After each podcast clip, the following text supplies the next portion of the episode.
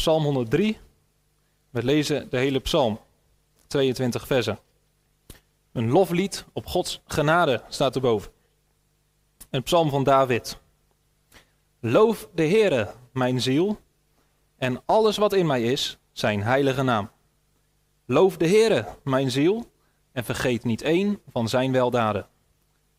Die al uw ongerechtigheid vergeeft, die al uw ziekten geneest, die uw leven verlost van het verderf, die u kroont met goede tierenheid en barmhartigheid, die uw mond verzadigt met het goede, uw jeugd vernieuwt als die van een arend.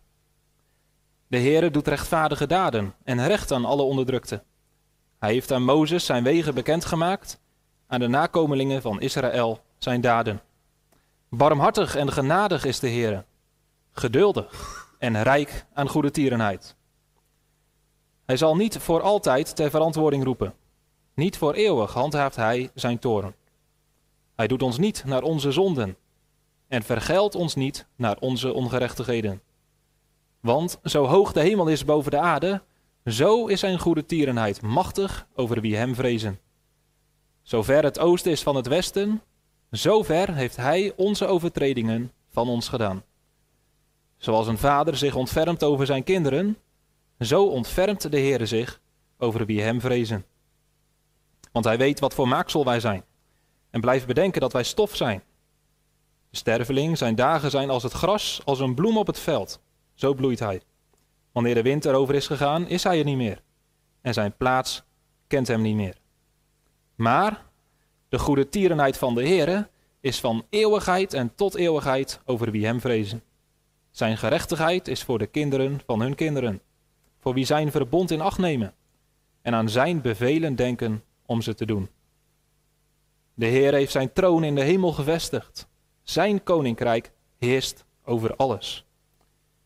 Loof de Heere, u zijn engelen, sterke helden die zijn woord uitvoeren, gehoorzaam aan het woord dat hij spreekt. Loof de Heere, al zijn legermachten, dienaren van hem die zijn welbehagen doen. Loof de Heere, al zijn werken, op alle plaatsen van zijn heerschappij. Loof de Heere, mijn ziel. Tot zover onze schriftlezing. We staan stil in de preek bij het thema Laten wij samen zijn naam danken en prijzen. Dat is een zin uit het avondmaalsformulier. Laten wij samen zijn naam danken en prijzen. En dat doen we met behulp van Psalm 103. Geliefden in de Here, omdat de Heere vanmorgen onze zielen aan zijn tafel, onze zielen heeft gevoed, laten wij samen zijn naam danken en prijzen. Zo zegt het avondmaalsformulier na de bediening van de tafelen. En dan wordt er geciteerd uit Psalm 103. Wij moeten deze avond dankbaar zijn. We hebben veel redenen om God te loven en te prijzen. Net als het volk Israël, toen ze verlost werden uit Egypte. We hebben vanmorgen nagedacht over de uittocht, dat daar uh, parallellen lopen met het avondmaal. Nu was het zo, toen Israël uit Egypte weg was, en Farao had gezegd dat ze mochten gaan, dat hij zich nog een keer bedacht. En hij stuurde zijn leger erachteraan. Het volk kwam klem te zitten, voor hen de Schelfzee en achter hen het leger van Farao. Het leek even nog helemaal mis te gaan. Het leek even dat ze alsnog terug moesten keren naar Egypte. Maar God gaf een doorgang. De zee spleet open en een veilige weg werd gebaand voor het volk Israël om door te trekken. Het leger van Farao ging erachteraan, maar de golven keerden terug naar hun plek. En het leger van Farao verdronk. Exodus 14 zegt: Zo verloste de Heere Israël op die dag uit de hand van de Egyptenaren. En Israël zag de Egyptenaren dood aan de oever van de zee liggen. Toen zag Israël de machtige hand die de Heere tegen de Egyptenaren gekeerd had. En het volk vreesde de Heere en geloofde in de Heere en in Mozes, zijn dienaar. En direct daarop volgt een lied. Exodus 15. Het lied van Mozes. Toen zongen Mozes en de Israëlieten dit lied voor de Heere. Ze zeiden: Ik zal zingen voor de Heere, want hij is hoog verheven.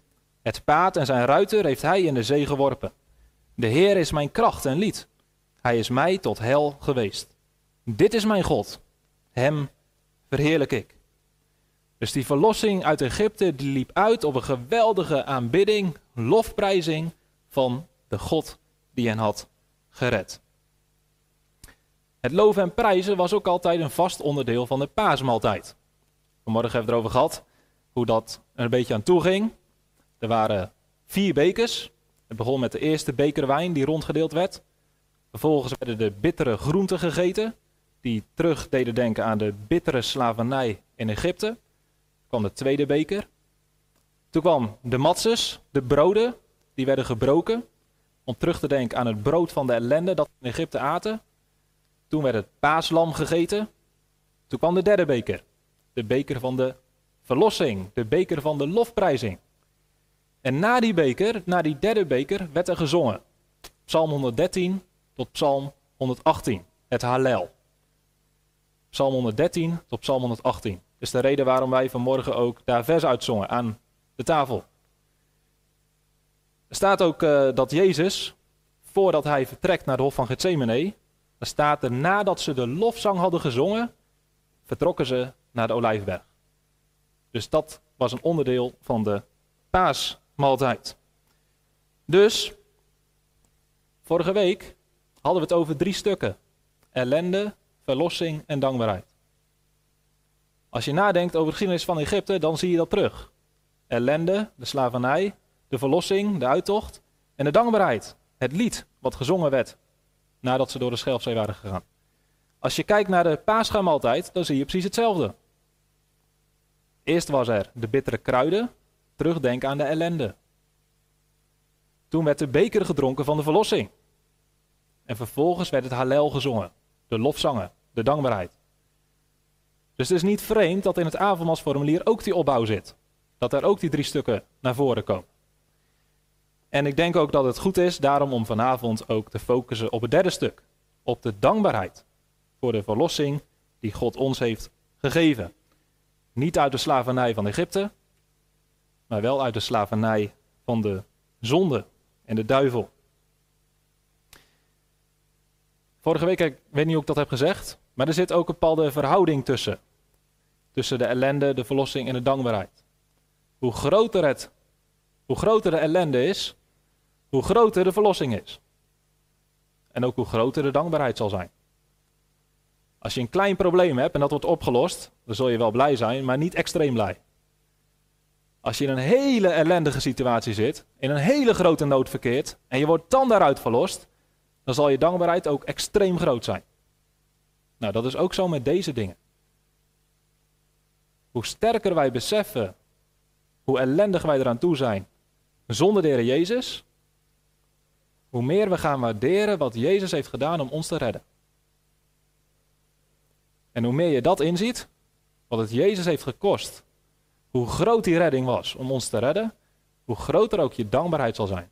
Hoe meer je het verlangen zult hebben om te zingen voor de Heer, om je leven aan Hem toe te wijden, om Hem te danken en te prijzen. Nou, het avondmaalsformulier die uh, helpt ons en die zegt, laat een ieder in zijn eigen hart zo spreken. En dan volgt Psalm 103, een lofpsalm. In het begin staat, loof de Heere mijn ziel en alles wat in mij is. Zijn heilige naam. Loof de Heere. Aan het eind van de psalm staat het opnieuw. De engelen worden opgeroepen om de Heer te loven. De hele schepping wordt opgeroepen om de Heer te loven. En het eindigt weer met: Loof de Heere, mijn ziel. Dat is een aansporing. Loof de Heere, mijn ziel. De dichter spreekt zichzelf aan, David. Hij wekt zichzelf op, hij spoort zichzelf aan om de Heere te gaan loven en prijzen. Nou, dat moeten wij vanavond ook doen. We moeten onszelf en elkaar aansporen, opwekken. Laten we samen, met alles wat in ons is, met alle krachten, uit het diepst van ons hart, de Heere loven en prijzen. Nou, misschien zitten we nog niet op die toonhoogte. Het zou wel zo moeten zijn na vanmorgen. Maar we moeten elkaar helpen om daar te komen. En daarvoor is Psalm 103 vanavond voor ons geschreven. Eigenlijk zouden we zo'n aansporing helemaal niet nodig moeten hebben. Toch? als je na hebt gedacht vanmorgen waarom je hier zat. Dan kan het toch niet anders dan dat je dankbaar bent. Als je hebt begrepen waar dat brood voor stond, waar dat bloed over ging. Dan kan het toch niet anders dan dat er dank is in je hart. Dank dat je gered bent en niet voor eeuwig naar de hel hoeft. Dankbaar omdat je beseft, ik verdien het niet. Het is pure genade. Dankbaar omdat je weet, het heeft een grote prijs gekost. Jezus heeft zijn eigen leven voor mij geofferd. Wat een liefde. Wat een genade. Maar misschien moeten we ook eerlijk zeggen, wij zijn helemaal niet zo dankbaar van onszelf. Onze dank staat vaak in schril contrast met de zegeningen die we hebben gekregen. Daarom is het nodig dat we onszelf en elkaar daartoe aansporen. Ik deed het al een beetje. Psalm 103 doet het heel uitgebreid. Het helpt in die aansporing om dankbaar te zijn, om concreet te benoemen wat redenen zijn voor dankbaarheid. Dat je probeert voor te stellen, oké, dit heb ik gekregen. Dit zijn de goede gaven die ik heb gekregen. En door daarover na te denken, wordt je hart dankbaar. Je kunt denken aan de titel van dat lied, 10.000 redenen tot dankbaarheid. Dat is gewoon Psalm 103. Dat is gewoon gebaseerd op Psalm 103. Loof de Heer mijn ziel. Dat komt regelrecht uit Psalm 103. Daar worden 10.000 redenen. En dan word je gestimuleerd om na te denken over. Nou, 10.000 redenen kun je niet eens opnoemen. Maar door na te denken over die redenen. kom je automatisch in de modus, in het verlangen om dankbaar te zijn. Nou, Psalm 103 noemt er niet uh, eh, 10.000. Dat zou dan een hele lange preek worden vanavond. Maar Psalm 103 noemt wel heel veel zegeningen. Heel veel redenen om dankbaar te zijn. En David noemt dat weldaden. Loof de Heere mijn ziel, vers 2. En vergeet niet één van zijn weldaden. Nou, wel, dat is goed. En daden zijn dus goede daden. De goede dingen die God heeft gedaan. De goede dingen die hij ons geeft. Nou, van al deze versen, van deze weldaden, worden in het avondmasformulier uh, niet alle versen genoemd. Wordt wat overgeslagen. Maar in het avondmasformulier wordt vers 3 tot en met 4 en vers 8 tot en met 13 geciteerd. Dus als je Psalm 103 gaat uh, leggen naast wat je in het avondmasformulier tegenkomt, dan kom je vers 1 tot en met 4 tegen en vers 8 tot en met 13. En ik weet niet of u uh, de psalm voor u heeft of het avondmasformulier, maar uh, we gaan proberen die tekst een beetje te volgen. Om te kijken wat wordt hier genoemd, wat zijn de redenen die ons dankbaar zouden moeten maken. Nou, de eerste beldaad die wordt genoemd staat in Psalm 103, vers 3.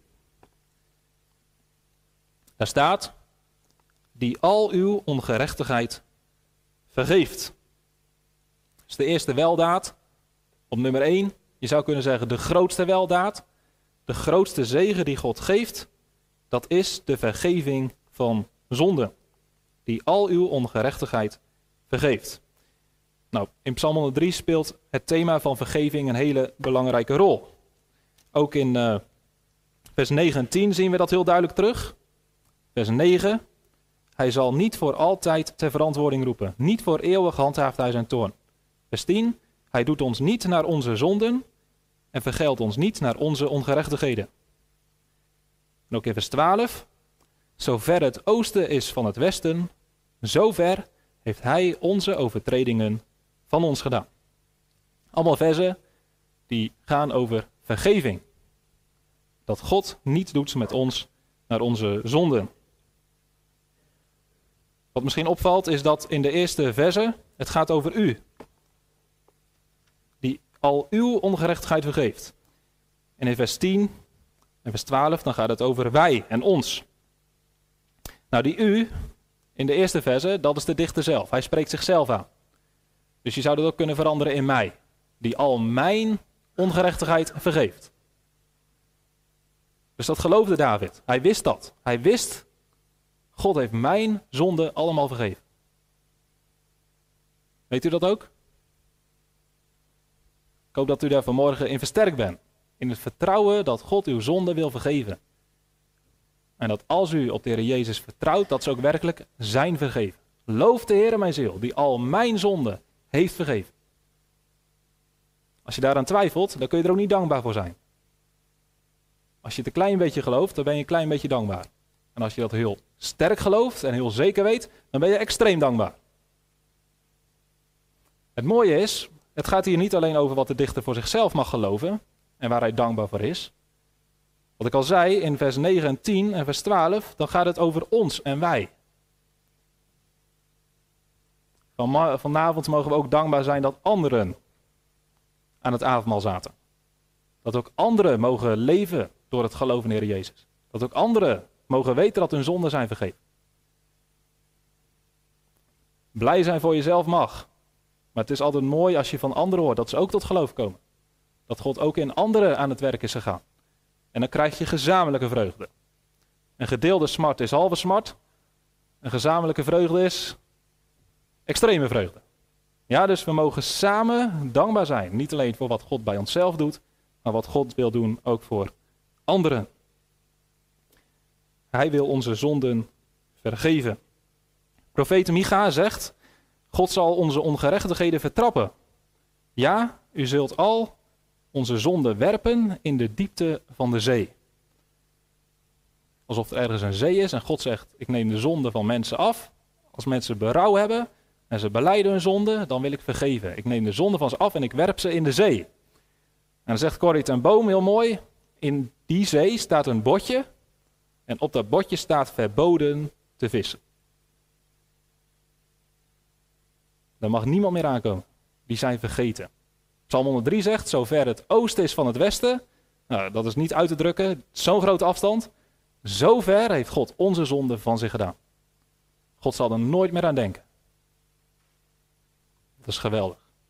Dat betekent dus ook dat hij ons er nooit meer voor zal straffen. Dat hij ons er nooit meer op aan zal kijken. Dat er niks meer is wat tussen God en ons instaat. De relatie is volkomen hersteld, volkomen goed. Dit is een geweldige reden om God te prijzen. Allereerst omdat God het ons niet verplicht is. God is niet verplicht om mensen de zonde te vergeven. Als iemand zonde doet en hij heeft berouw en hij zegt sorry tegen God, dan is dat nog steeds geen reden dat God moet vergeven. Toch? Als ik een inbraak ergens pleeg en ik word betrapt en ik zeg sorry, dan is dat nog steeds geen verplichting om mij geen straf te geven. Zo werkt dat niet.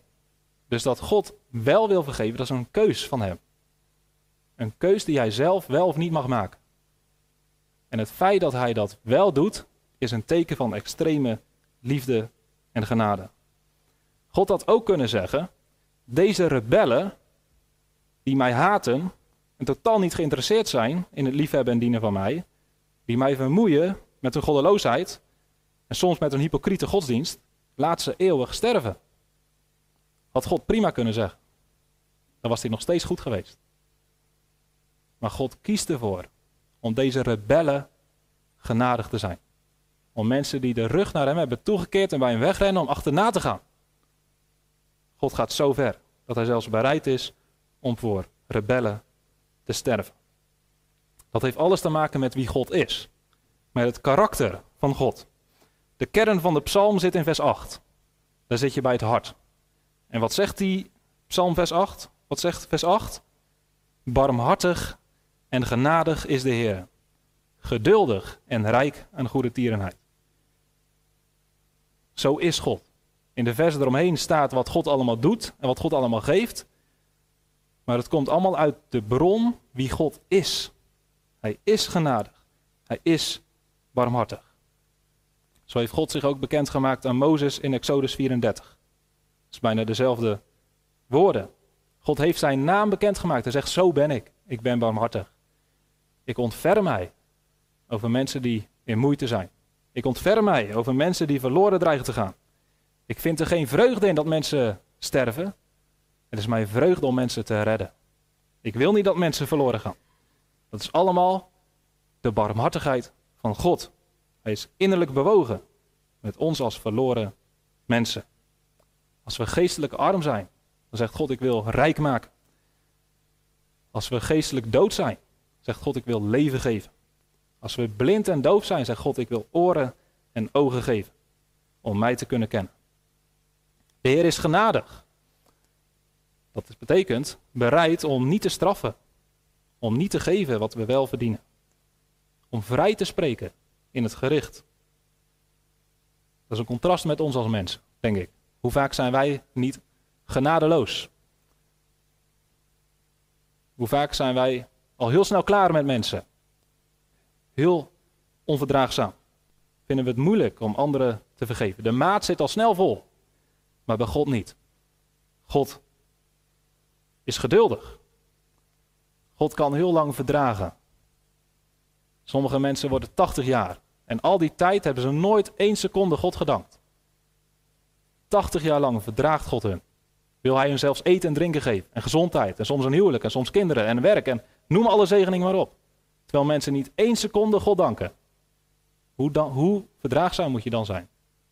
Zo is God. Geduldig.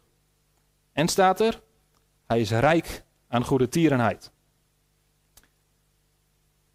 Goede tierenheid is gewoon een uh, langere woord voor goedheid. Hij is vol van goedheid. Hij is rijk aan goedheid. Nou, daaraan hebben wij de vergeving te danken. Er is nog een reden waarom de vergeving van onze zonden een geweldige reden is om God te danken. Ten eerste dus, het, God is niet verplicht. De enige reden waarom hij het doet is zijn eigen karakter, zijn eigen goedheid, zijn eigen genade. Het tweede is dat het God ook heel veel heeft gekost. In het avondmaalsformulier wordt na het citeren van Psalm 103 twee versen genoemd uit, Romeinen, uit de brief aan de Romeinen. De eerste tekst uit Romeinen 8, dat God zijn eigen zoon niet gespaard heeft, maar heeft hem voor ons allen overgegeven. En vervolgens citaat uit Romeinen 5, God bevestigt daarmee zijn liefde voor ons, dat Christus voor ons gestorven is, toen wij nog zondaren waren. Nou, een hogere prijs is niet denkbaar. Een groter offer kon God niet brengen. Kan niemand brengen. Het heeft hem heel wat gekost. Wij als mensen kunnen soms ook offers brengen. We kunnen wat tijd opofferen voor iemand. Sommige mensen offeren een baan op, een werk op om anderen te kunnen helpen. Soms kunnen we grote bedragen overmaken naar anderen. Allemaal offers. Maar het stelt niks voor. Als je het vergelijkt met het offer wat God brengt om ons te redden. Hij geeft zijn eigen zoon. Nou, als we dus vanmorgen hierna hebben gedacht over dit feit, dat God ons niks verplicht is en toch wil redden, dat het God zijn eigen zoon heeft gekost, dan kan er niet anders dat er een bron van dankbaarheid explodeert in ons. Stromen van vreugde komen. Een diep verlangen is om God te loven en te prijzen. Daar zal het uiteindelijk ook allemaal op uitlopen. Als Jezus straks terugkomt en de nieuwe hemel en de nieuwe aarde komt, dan zal dit het grootste en belangrijkste zijn wat we aan het doen zijn. Continu God danken, loven en prijzen voor wat Hij heeft gedaan. In openbaring staat dat we dan met miljoenen mensen een nieuw lied zullen zingen. En dat is een zinspeling op het lied van Mozes. Net als het volk uit de Schelfzee kwam en een lied ging zingen. Zo zullen wij straks, als we door de doodsjordaan zijn heen gegaan, in het hemelse Canaan zijn binnengegaan, dan zullen wij een nieuw lied zingen. Het lied van Mozes. Wat net iets anders zal klinken. Want dan zullen we het lam prijzen. Het lam dat geslacht is en ons voor God heeft gekocht met zijn bloed. Ik zag, staat er, ik hoorde een geluid van vele engelen rondom de troon van de dieren en van de ouderlingen. Een aantal bedroeg tienduizenden, tienduizendtallen. Als je tienduizend keer tienduizend doet, dan zit je al een eind over de miljoen. Tienduizenden, tienduizendtallen. Extreem veel. En duizenden, duizendtallen. Engelen, mensen, iedereen die in de hemel is.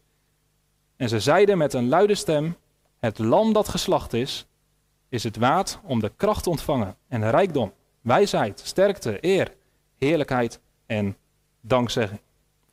Dus dat ene zinnetje die al die ongerechtigheid vergeet, daar zit enorm veel in. Dit is misschien wel de grootste zegen die wij als zondaren kunnen krijgen. Wat ons aanspoort.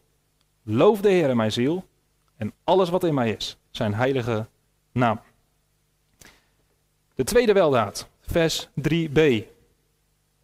Die al uw ziekten geneest. Wat betekent dat? Nou, het is mogelijk om dat te zien als een figuurlijke uitdrukking. Dat betekent dat moet je niet letterlijk nemen. Het is beeldspraak, een metafoor.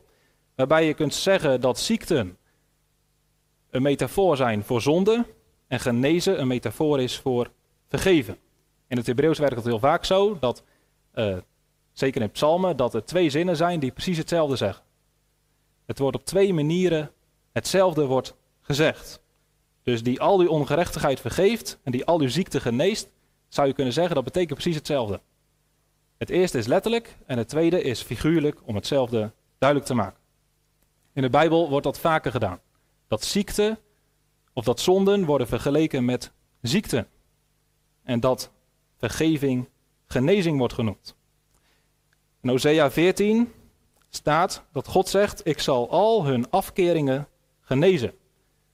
Nou, dat is dus een idee van niet ziekte genezen, maar zonden die genezen worden. Jezaja 6. God zal het volk niet bekeren. Hij zal er niet genezen. In Jezaja 53 staat dat de Messias al onze ziekten op zich heeft genomen. Het is goed mogelijk dat daar ook zonden worden bedoeld. Want hij is om onze overtredingen verwond en om onze ongerechtigheden verbrijzeld. Dus dit kan, dat is één optie. Je kunt het echter ook wel letterlijk nemen, die al uw ziekte geneest. Want we weten dat God wel degelijk zieken kan genezen. God zegt het ook van zichzelf. Ik maak levend en ik kan doden. Ik kan ziek maken en ik kan beter maken. En uh, wat voor die uitleg pleit, is de regel erna. Dus de vorige uitleg, die, wat ik zei, je kunt het koppelen aan de regel ervoor. Je kunt het ook koppelen aan de regel erna.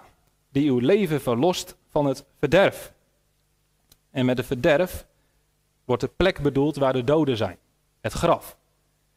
Dus God verlost van het graf. God maakt beter, zodat iemand niet hoeft te sterven, maar mag verder leven. Nou, dat is ook bijbels. Er zijn heel veel voorbeelden van mensen die ernstig ziek zijn. Denk aan koning Iskia. Hij was doodsbenauwd dat hij moest gaan sterven. Het zag er naar uit dat er geen andere optie was. En toch werd hij weer genezen. Ook in het Nieuw Testament zien we dat Jezus mensen geneest waar eigenlijk geen hoop meer voor is. Je kunt ook denken aan Epaphroditus. Paulus zegt hij was ziek tot dicht bij de dood. Maar God heeft zich over hem ontfermd. Hij werd weer beter. Mogelijk heeft David dat ook ervaren. Dat hij ziek is geweest, ernstige ziekten heeft meegemaakt. En elke keer gaf God hem toch weer genezing. Nou, dat is natuurlijk ook een gigantische reden om God te loven. Als je te maken hebt met ernstige ziektes. Je weet dat het ziektes zijn die ook kunnen leiden tot je dood. En als God dan genezing geeft. Nou, dat is extreme reden om God te danken. Om Hem te prijzen. Het is niet vanzelfsprekend dat we genezen van ziekte.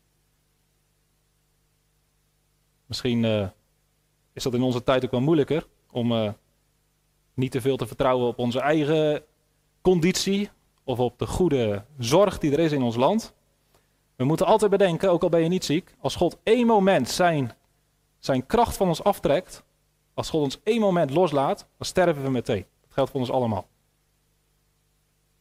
Ons leven hangt aan een zijde draadje, wordt wel eens gezegd. En God houdt dat draadje vast. En als God één moment loslaat, dan zijn we weg. Zo zwak, zo sterfelijk zijn wij als mensen. Dus als God genezing geeft, als we weer beter worden, dan is dat een reden om God te prijzen. We moeten dit echter niet lezen als een, als een uh, algemene belofte. Dat als je gelooft in God, dan word je altijd van al je ziekte genezen. Dat staat hier niet. Dit is een persoonlijke ervaring. Een persoonlijk getuigenis van, van David, die dat mogelijk heeft ervaren. Dus God kan het. God kan genezen. Maar er staat nergens in de Bijbel dat als je een kind van God bent, dat je niet ziek kunt worden. Of als je wel ziek wordt, dat je altijd beter wordt. Er zijn ook voorbeelden in de Bijbel van mensen die sterven aan ziektes. Maar voor een gelovige is het wel een iets ander verhaal. Want uiteindelijk, ook al sterf je aan de ziekte, dan is het niet over. Dan word je pas echt beter. Dan kom je op een plek waar je nooit meer ziek zult worden. Dan ben je van al je ziekte genezen. Dan ben je definitief verlost van het verderf. Dan zul je nooit meer sterven. Dus er komt straks een moment voor ons allemaal, als we in de hemel zijn, op de nieuwe aarde, dat we vol dankbaarheid zingen. Loof de Heer en al wat in mij is zijn heilige naam, die al uw ongerechtigheden heeft vergeven, die al uw ziekten heeft genezen, die uw leven heeft verlost van het verderf. Nou, en dan staat er in uh, vers 4b, de laatste zin van vers 4, dat God ons kroont met goede tierenheid en barmhartigheid. In plaats dat we gestraft worden voor onze zonden, in plaats dat we sterven aan onze ziekte, in plaats dat we voor eeuwig moeten sterven, kroont God ons met barmhartigheid en met goede tierenheid. Hij geeft ons vergeving, hij geeft ons genezing, hij geeft ons eeuwig leven. Nou, dat kronen, dat is ook een beeld natuurlijk. Wie worden er gekroond, normaal gesproken? Koningen. Mensen met eer, met aanzien, met majesteit. Maar hier zijn wij het die gekroond worden. En niet met aardse macht, niet met aardse heerlijkheid. Wij worden door God gekroond met grotere zegeningen. Met vergeving van zonde, met eeuwig leven, dat we zijn kind mogen zijn. Nou, als je die kroon mag dragen, dan heb je een mooiere kroon dan alle koningen op de hele wereld. God wil ons kronen, versieren, status geven, aanzien geven. Door ons geestelijk te overladen met zegeningen. Waarom? Nogmaals, omdat God barmhartig is en rijk aan goede tierenheid. Dat zijn misschien wel de kernwoorden ook van deze psalm. Goede tierenheid en barmhartigheid. In vers 11 gaat het ook over Gods goede tierenheid. Want zo hoog de hemel is boven de aarde, zo is zijn goede tierenheid machtig over wie hem vrezen. Hoe hoog is de hemel boven de aarde? Hoeveel kilometer is dat? Dat is beeldspraak natuurlijk. Maar als je op een uh, mooie, heldere dag naar boven kijkt, recht omhoog, ik vind dat altijd indrukwekkend. Hoe hoog is die blauwe lucht eigenlijk? Echt heel hoog. En als het nacht is toevallig, dan kijk je naar de sterren. Hoe ver staan die sterren? Er zijn sterren die duizenden lichtjaren van ons vandaan staan. Dat is ongekende afstand. Nou, het gaat er niet om hoe groot precies die afstand is. Het is een beeld. Zo groot die afstand is, zo oneindig groot, is ook de goedheid van God voor degene die Hem vrezen. En dan staat er in vers 17 dat het niet kortdurig is of op één moment. Nee, dat is altijd zo. De goede tierenheid van de Heer is van eeuwigheid en tot eeuwigheid over wie Hem vrezen. Zonder begin. Als je gelooft in Heer Jezus, dan ben je al uitverkoren voordat de wereld überhaupt bestond. Van eeuwigheid heeft God je lief gehad. En tot eeuwigheid. Er komt nooit een einde aan. Zelfs als je sterft, komt er geen einde aan het ervaren van Gods goedheid. Want deze psalm maakt ook duidelijk dat wij stof zijn. Als het gras, als een bloem op het veld. Sterfelijk, vergankelijk. Komt voor ons een moment dat we sterven. En toch is Gods goede, Gods goede tierenheid voor eeuwig. Dat betekent, als je sterft, dan gaat het leven verder. En dan zul je nog steeds Gods goedheid ervaren. Ja, meer dan ooit hier op aarde je hebt kunnen ervaren. En er zal nooit meer een einde aankomen. Nou, als we naar vers 11 tot en met 13 kijken, dan zien we dat daar vergelijkingen worden gemaakt. Drie keer. De eerste hebben we net genoemd. Zo hoog de hemel is boven de aarde, zo hoog, zo groot is zijn goede tierenheid over wie hem vrezen. Vers 12 is ook een vergelijking. Zover het oosten is van het westen, zover heeft hij onze overtredingen van ons gedaan. We hebben het ook al over gehad. De extreme afstand die er is tussen oost en west. Ook onbegrensd, onmetelijk. Dan kijken we nu, tot slot, naar de derde vergelijking. Dat is vers 13. En er staat, zoals een vader zich ontfermt over zijn kinderen, zo ontfermt de Heer zich over wie hem vrezen. Dat is ook het laatste vers wat in het avondmaalsformulier wordt geciteerd. En dat is het laatste vers waar wij bij stil zullen staan. God is als een vader die zich ontfermt over zijn kinderen. Het woord wat hier staat, ontfermen, dat is hetzelfde woord wat in andere versen barmhartigheid wordt genoemd. Dus je kunt dit ook lezen als Ja, dat is een beetje, daarom is het anders vertaald, denk ik. Maar zoals een vader barmhartig is over zijn kinderen, zo is de Heer barmhartig over wie hem vrezen. Hetzelfde woord. Ontfermen.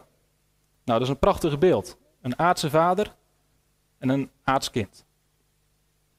Nou, als het goed is, er zijn helaas heel veel uh, ook verschrikkelijke voorbeelden. Niet elke aardse vader is een goede vader. Maar als het goed is, heeft een aardse vader, een aardse moeder, idem of nog iets meer, extreme liefde voor zijn of haar kind. Dat is een gevoel wat je gewoon krijgt. Daar hoef je niks, geen cursus voor te volgen. Dat, dat krijg je gewoon. En dat groeit alleen maar, bij mij tenminste. Is dat herkenbaar? Nou, tot uh, misschien een bepaalde leeftijd dat ze irritant worden. Maar nu groeit het nog. Dus wij kunnen dit voorstellen. We zaten vanmiddag op de bank en uh, Hanna is een beetje aan het lopen en zo, superleuk. En uh, we zaten er een beetje om te lachen. Zegt dus vermakelijk. Hoe ze probeert weer op te staan en weer valt. En, uh, maar we genieten ervan. Maar er staat een tekst in de Bijbel waar ik aan ging denken. Dat God zijn vermaak vindt in ons als mensen. Dus dan kunnen we ons voorstellen hoe, hoe het hart van God naar ons toe is als mensen, als zijn kinderen. Dat kunnen we voorstellen omdat wij als mensen, als aardse ouders ook gevoelens hebben voor onze kinderen. Nou, ontferming, dat heeft te maken met, stel je voor, je kind valt, heeft pijn, moet huilen. Ah, zoek er lekker uit, joh, jank even door. Er komt een verlangen om te troosten.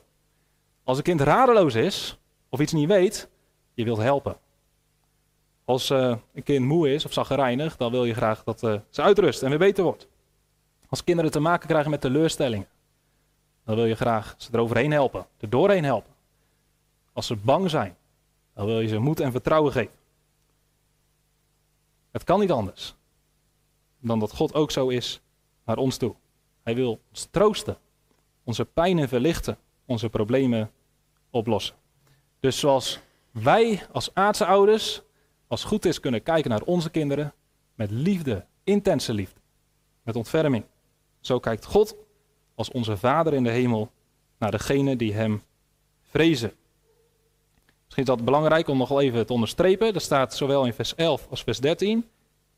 Dit gaat over de verhouding van God tot degenen die Hem vrezen. Dus dit betekent niet, dit is voor alle mensen hetzelfde. Er is een groep mensen voor wie dit niet geldt. De mensen die God niet vrezen. Dat is een kenmerk van goddeloze mensen. Van mensen die niet bekeerd zijn. Staat in Romeinen 3, de vrees van God is niet voor hun ogen. Dat betekent, ze zijn niet geïnteresseerd in wie God is. Het boeit hun geen lor wat God van hun leven vindt. Ze maken zich niet druk om hun eigen zonde. En ze zitten er ook niet mee dat er straks een oordeel komt. Ze lachen erom, ze denken het weg, of ze denken er niet over na. Dat is kenmerkend voor mensen die niet gered zijn.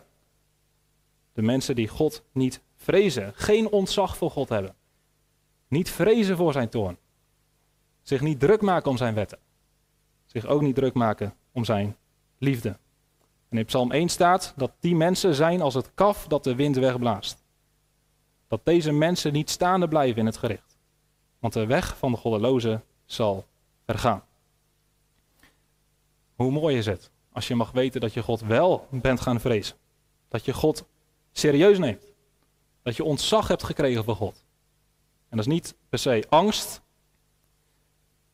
maar wel eerbied. Wel, het zit tegen angst aan. In de, in de handelingen, dit is een beetje lastig om het woord vrezen. Dat is altijd uh, lastig om uit te leggen. Maar uh, ik denk dat wel een voorbeeld daarbij helpt. In, in handelingen zie je op een gegeven moment dat Ananias en Sapphira de gemeente bedriegen. Ze doen alsof ze al het geld geven voor een akker wat ze hebben verkocht. Dat is niet waar. Ze hebben de helft of zo hebben ze achtergehouden. En wat gebeurt er als ze het geld bij de apostelen brengen? Dan worden ze ontmaskerd als leugenaars en mensen die tegen de Heilige Geest zondigen. En ze vallen dood neer. En dan staat er, er kwam vrees over heel de gemeente en alle die het hoorden. Nou, wat is vrezen? Volgens mij heeft dat wel iets te maken met angst. Beseffen dat je met God niet kunt spotten. Dat als je zijn wetten overtreedt, dat daar consequenties aan zitten. Misschien hetzelfde gevoel als je te hard rijdt en je ziet op een gegeven moment een politieauto. Ik hoop dat je dan vreest. dat zorgt ervoor dat je je houdt aan de snelheid. Omdat je weet, er zitten consequenties aan als ik me niet houd aan de snelheid. Zo is God ook. Je kunt niet met hem spotten. Je kunt niet doen van, nou je zegt het wel en ik ga lekker mijn eigen gang. En als je gered bent, dan krijg je dat in je hart.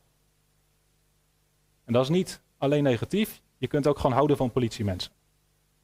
Je kunt ze respecteren. Je kunt er zelfs blij mee zijn dat ze er zijn en dat er goede wetten zijn. En je hebt er ook geen last meer van, want je wilt ook gewoon leven naar de wetten die God heeft gegeven. Nou, dus al deze dingen gelden voor degenen die gered zijn. Die God heeft aangenomen tot zijn kinderen. Die heeft God ook liefde en ontzag gegeven om hem te gehoorzamen, om de zonde te haten en een verlangen om heilig te leven.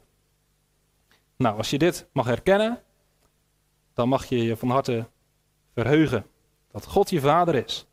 Dat hij naar ons kijkt, zoals wij als aardse mensen naar onze kleine kinderen kunnen kijken. Hij is bewogen met ons. Juist als we te maken hebben met moeite en zorgen in ons leven.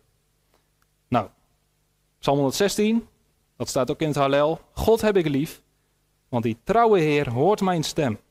Hij hoort mijn smekingen, hij hoort mijn klagen. Hij neigt zijn oor. Nou, dat is echt de vaderhouding van God. Hij luistert naar ons als we hem aanroepen. Hij hoort ons als we het moeilijk hebben. Hij neigt zijn oor. Ik roep tot hem al mijn dagen.